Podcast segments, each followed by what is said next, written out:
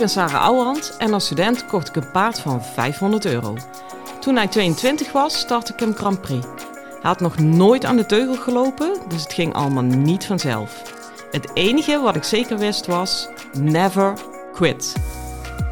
Ik verslond alles wat ik kon vinden over de biomechanica van ruiter en paard.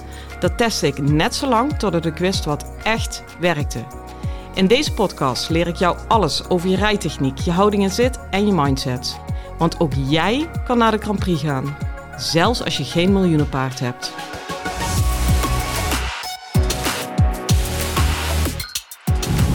Hey lieve paardenmensen. Nou, ik heb echt een hele fijne werkdag achter de rug. Ik ben bij de Kro uh, Ruitersport geweest. Daar ben ik op en af met enige regelmaat. Ik ben daar zeg maar onregelmatig op regelmatige basis. Ik had eigenlijk tien ruiters, maar er was één paardje die zat echt in de kreukels vanwege een zadel. Wat een ellende is dat altijd.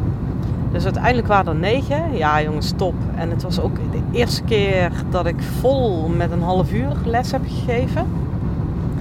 Ja, dat, dat is gewoon zo'n fijne dosering momenteel. Ik uh, merk ook dat ik nauwelijks moe ben. Dat is echt een heel goed teken. Hey, ik kreeg van een van de ruiters echt een super mooie vraag. Want ik vraag altijd van, joh, waar kan ik je mee helpen? Of waar zit je mee? En zij zei, ja, uh, op zich gaat alles wel goed. Maar de overgangen terug, uh, ja, die zijn rommelig. Dus zij was uh, heel erg gefocust op de overgang zelf. Dat ik, nou, helemaal allemachtig prachtig, maar ga eerst maar eens even gewoon draven. En dit ging dan over de overgang van draf naar stap. Maar ik zag hem draven en ik had eigenlijk nog geen overgang gezien. Toen dacht ik, ja, maar ik snap eigenlijk wel met hoe ik hem nu zie draven dat die overgang uh, weinig kans van slagen heeft. Althans, uh, dat die rommelig is, vind ik niet gek. Want dat zag ik namelijk in het draven, en dat heb ik in Ermelo ook heel erg duidelijk laten zien met de eerste combinatie. Dat, uh, ja, dit is een beetje lastig uit te leggen, maar ik ga absoluut poging voor je doen. De draf zelf was op zich wel constant, maar met name die toevoeging op zich wel constant, daar zit hij in. Want als je nou heel kritisch keek, in eerste instantie zie je gewoon een paar draven die gewoon goed aan de hand staat. Maar als ik nou heel kritisch keek, zag je in die draf, ook al de draf zelf, dat die net niet eraan stond. Het was eigenlijk niet meer zichtbaar, maar voor haar wel heel voelbaar. Ook daar zat al een losvastigheidje in, in die verbinding. En uh, even voor de goede orde, ze rijdt 205 punten per proef. Dus uh, het zag er in de basis nog steeds wel goed uit. Alleen die, nou laten we zeggen, 3% verbinding die zij miste. Uh, want de teugel was ook niet los vast, hij hing niet door of zo. Maar het was gewoon net de hele tijd om de paard passen wat drukverschil. Nou, precies die 3% verbinding, uh, die dan net wisselend is, die werd heel erg zichtbaar in de overgang van draf naar stap. Want dan zegt ze opeens, ja, dan ben ik opeens mijn verbinding kwijt en knikt die door en geef ik been en tik ik in meerdere ramen en dan krijg je dus zo'n hakketakkenovergang. Dus zij had zich inmiddels al de blubber geoefend op een goede overgang. Terwijl ik denk, ja, weet je, spaar je de moeite. Want jouw probleem zit überhaupt in de gewone draf zelf. En ik denk dat het voor jouzelf, als je dit luistert en je rijdt, ook heel interessant is om na te lopen. Dat moet je ook blijven nalopen. Van ja, je kunt niet remmen zonder dat het gas helemaal open staat. Snap je? Dus je moet echt 100% optimale positieve druk naar voren hebben. Wil je goed kunnen remmen. Want anders, als je niet al die positieve druk naar voren hebt en je remt dan, of je, maakt een, je begint met stappen, dan uh, gaat hij niet stappen, maar laat hij gewoon die druk die er sowieso al niet genoeg was, even helemaal wegvallen. En daardoor valt hij in stap. Maar eigenlijk is dat natuurlijk een verkapte vorm van afbreken. En daar zat hij. Dus ik heb haar vooral heel erg naar voren laten draven tot hij echt, echt, echt, echt, echt eraan stond. En dat ze eigenlijk rondes lang geen drukverschil meer had op beide teugels.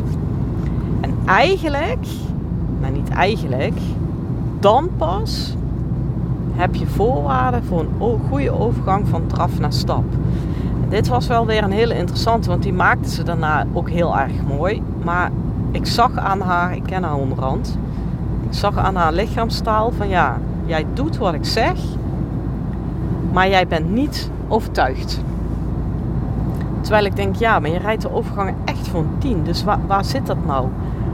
En als ik daar dan naar vraag, want dat vraag ik altijd van, joh, hoe voelt het en hoe is het voor je? Van ja, ja, ja, dan gaan ze zichzelf wegmaken. Ja, ja, ik moet er gewoon denk ik nog een beetje aan wennen. Ik zeg, nee, hoe voelt het nou? Want ik kan wel zeggen, je rijdt voor een 10, maar als het niet goed voelt, goed voelt, dan heb je nog niks. Weet je, dat is voor mij zo'n ontzettend heilig huisje. En toen kwam de aap uit de mouw, want toen zei ze dus, ja, weet je wat het is daar? Ik heb nu in de overgangen die ik nu rijd, heb ik meer druk op de hand dan hoe ik ze voorheen reed. Dan denk ik, ah, kijk, hier zit hij. Want dan vertaal jij in je hoofd dus die druk in je hand die je krijgt als iets negatiefs. En ik echt, en dat vind ik enig jammer, dat punt heb ik net iets te weinig hard gemaakt in Ermelo. Uh, we moeten met z'n allen af van de gedachte dat druk per definitie slecht is. Druk die jij zelf geeft en aanneemt met de hand, of druk waarmee die over de hand heen vliegt, ja, die is, als je dat dan zo wil noemen, negatief. Maar als jij echt gewoon druk in je hand krijgt, omdat hij gewoon vanuit zijn hele bovenlijn draan is, ja, er bestaat niks beters. Kijk, in Ermelo maakte ik dat duidelijk met een tuinslang. Die draait aan de achterkant die kraan open, dat is het achterbeen. En aan de voorkant, uh, weet je, daar zit zo'n tuitje op, wat je ook op de spuitplaats hebt, die, die, die, draai je dicht. En op het moment dat je die tuit dicht draait, en je draait dan de kraan open, dan voel je druk op de slang zonder dat het water aan de voorkant eruit spuit. Nou, precies die druk, dat is positieve druk. En die kreeg zij in de hand, maar zij vertaalde dat als van nee, dit is dus slechter. Maar dat is niet zo. Dat is zo'n ontzettende reguliere denkfout. Stap daar alsjeblieft van af. Kijk, je moet eerst die druk in je hand krijgen. Dat is natuurlijk ook echt het Rien van het Schaft eh, verhaal. Van aan de hand, aan de hand. En als je dan op een onverhoopt moment dat die druk wel echt te hoog wordt. En dat heet dan door de hand heen schieten of, of, of over de hand heen lopen of voor mij tegen de hand. Daarna kun je kiezen, maak ik dit nu iets nagevelijker? Maar dat is vers 2. Snap je? Maar wat bij haar gebeurde, is draven, draven, draven op verbinding, maar eigenlijk niet. Ehm, en dan deed die, wilde die gaan stappen. Dan haalde het paard zelf de druk van de slang door door te knikken. En dan viel de druk weg en daardoor ging die stappen. Maar, ehm, en dat voelt dan lichter. En daar zit de valkuil. Terwijl hij wordt niet lichter dan omdat hij nagevelijk is. Hij wordt lichter omdat hij die druk laat wegvallen. En dan heb ik liever meer druk op de hand waarbij die eraan is, dan minder druk op de hand omdat hij die druk weg laat vallen. Snap je? Die is echt cruciaal.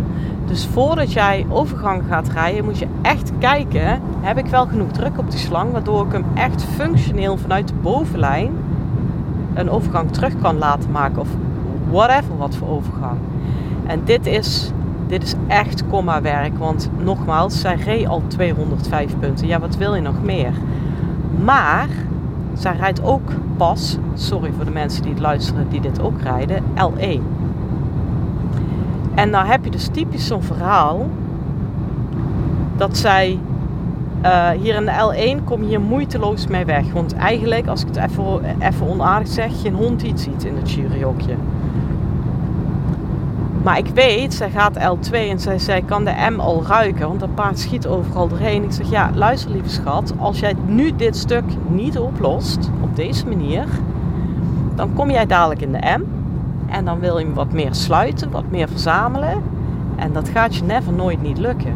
Omdat sluiten ook juist die druk op die slang houden is. waarbij je de slang wat compacter maakt. Maar de druk blijft hetzelfde. En als die druk bij voorbaat niet hoog genoeg is, uh, dan wordt sluiten hetzelfde als wat hij deed van draf naar stap. Dan knikt hij voor door, dan, dan lost hij in die druk op die slang. En dan wordt zijn frame wel compacter. Hij wordt gewoon korter, want het slaat nergens meer op. En dan denk je opeens van ja, ik verlies hem. Hij kan niet verzamelen, hij is niet genoeg op achteren, bla bla bla. Maar dat probleem zat al in de L1. En dat blijf je tegenkomen. Ik even hand in eigen boezem. Ik heb hier ook echt in het verleden, zeker in die lagere klasses, precies deze fouten bij gemaakt. Maar wat krijg je dan uiteindelijk? Dan zit je in de Grand Prix. En dan moet je de overgangen passage Piaf maken. Ja, dat is zo'n nasty overgang. Want het vraagt zo ultiem.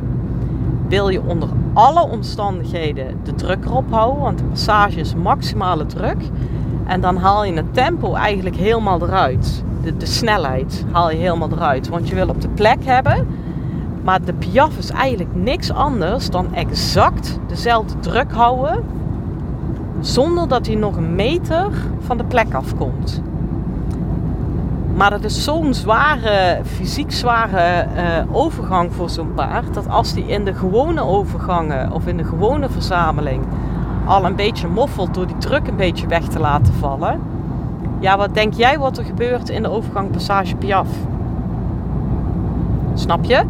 Dus wat dat betreft, ik ben om heel veel redenen extreem dankbaar dat ik Grand Prix mag rijden. Maar hier nog wel misschien het beleidste mee. Want daardoor ben ik iedere keer opnieuw op dit soort stukken door de mand gevallen. En heb ik iedere keer opnieuw mogen ontdekken: ja, het is nog niet in orde, het is nog niet in orde, het is nog niet in orde. Um, en ik blijf daarop timmeren dat dit soort stukken de reden zijn waarom het gros van de paarden niet hoger loopt dan M1. Uh, nou, laat ik de Grand Prix er maar even parkeren. Maar misschien zou ik zelfs durven zeggen, niet hoger, niet de Grand Prix niet bereikt. Het heeft geen reet met talent te maken, dat heeft met africhting te maken. Uh, snap je? Maar we zijn zo gewoon om te zeggen, ja, hij is ook niet gemaakt voor de verzameling. Ja, de passage, ja, het is ook maar een haflinger. Terwijl, ja, jongens, als ik die druk op die slang heb, dan rijd ik gewoon een foutloze Grand Prix proef. En als ik hem niet heb, dan kan ik naar huis. Want dan mis ik inderdaad het talent in het paard om dat gebrek aan druk nog te kunnen compenseren. Zo moet je het zien. Uh, dus bij deze even een hele, hele dikke, dikke, vette reminder aan dit stuk. Het is iets wat je misschien al wist, wat ik ook weet, maar waar ik mezelf op moet blijven wakker maken. Want het is zo ontzettend voor de hand liggend om terug te gaan werken en dus zelf de druk van de slang af te trekken of te halen. En als jij het niet doet, doet je paard het wel.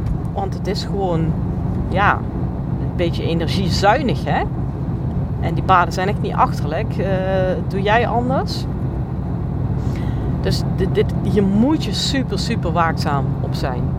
Ik hoop dat ik je bij deze, deze reminder heb gegeven. Dit is ook echt ongeacht welk niveau je rijdt loop het na. Ga je Grand Prix. Check je overgang Passage Piaf maar eens op dit stukje. Uh, rij je B. Check je overgang van draf naar stap maar eens op dit stukje. Het is een andere wereld, maar het is in de kern exact, exact hetzelfde. Dus daarom dacht ik, ik gooi hem nog eens een keer met klem de eter in. Doe er je voordeel mee en dan wens ik jou nu een hele fijne dag en veel plezier met je paard. Hoi! Lieve ruiters, dit was hem weer voor vandaag. Waardeer je mijn tips? Geef me sterren op Spotify en iTunes. Dat voelt voor mij als een dankjewel. En geef je paard een knuffel van me.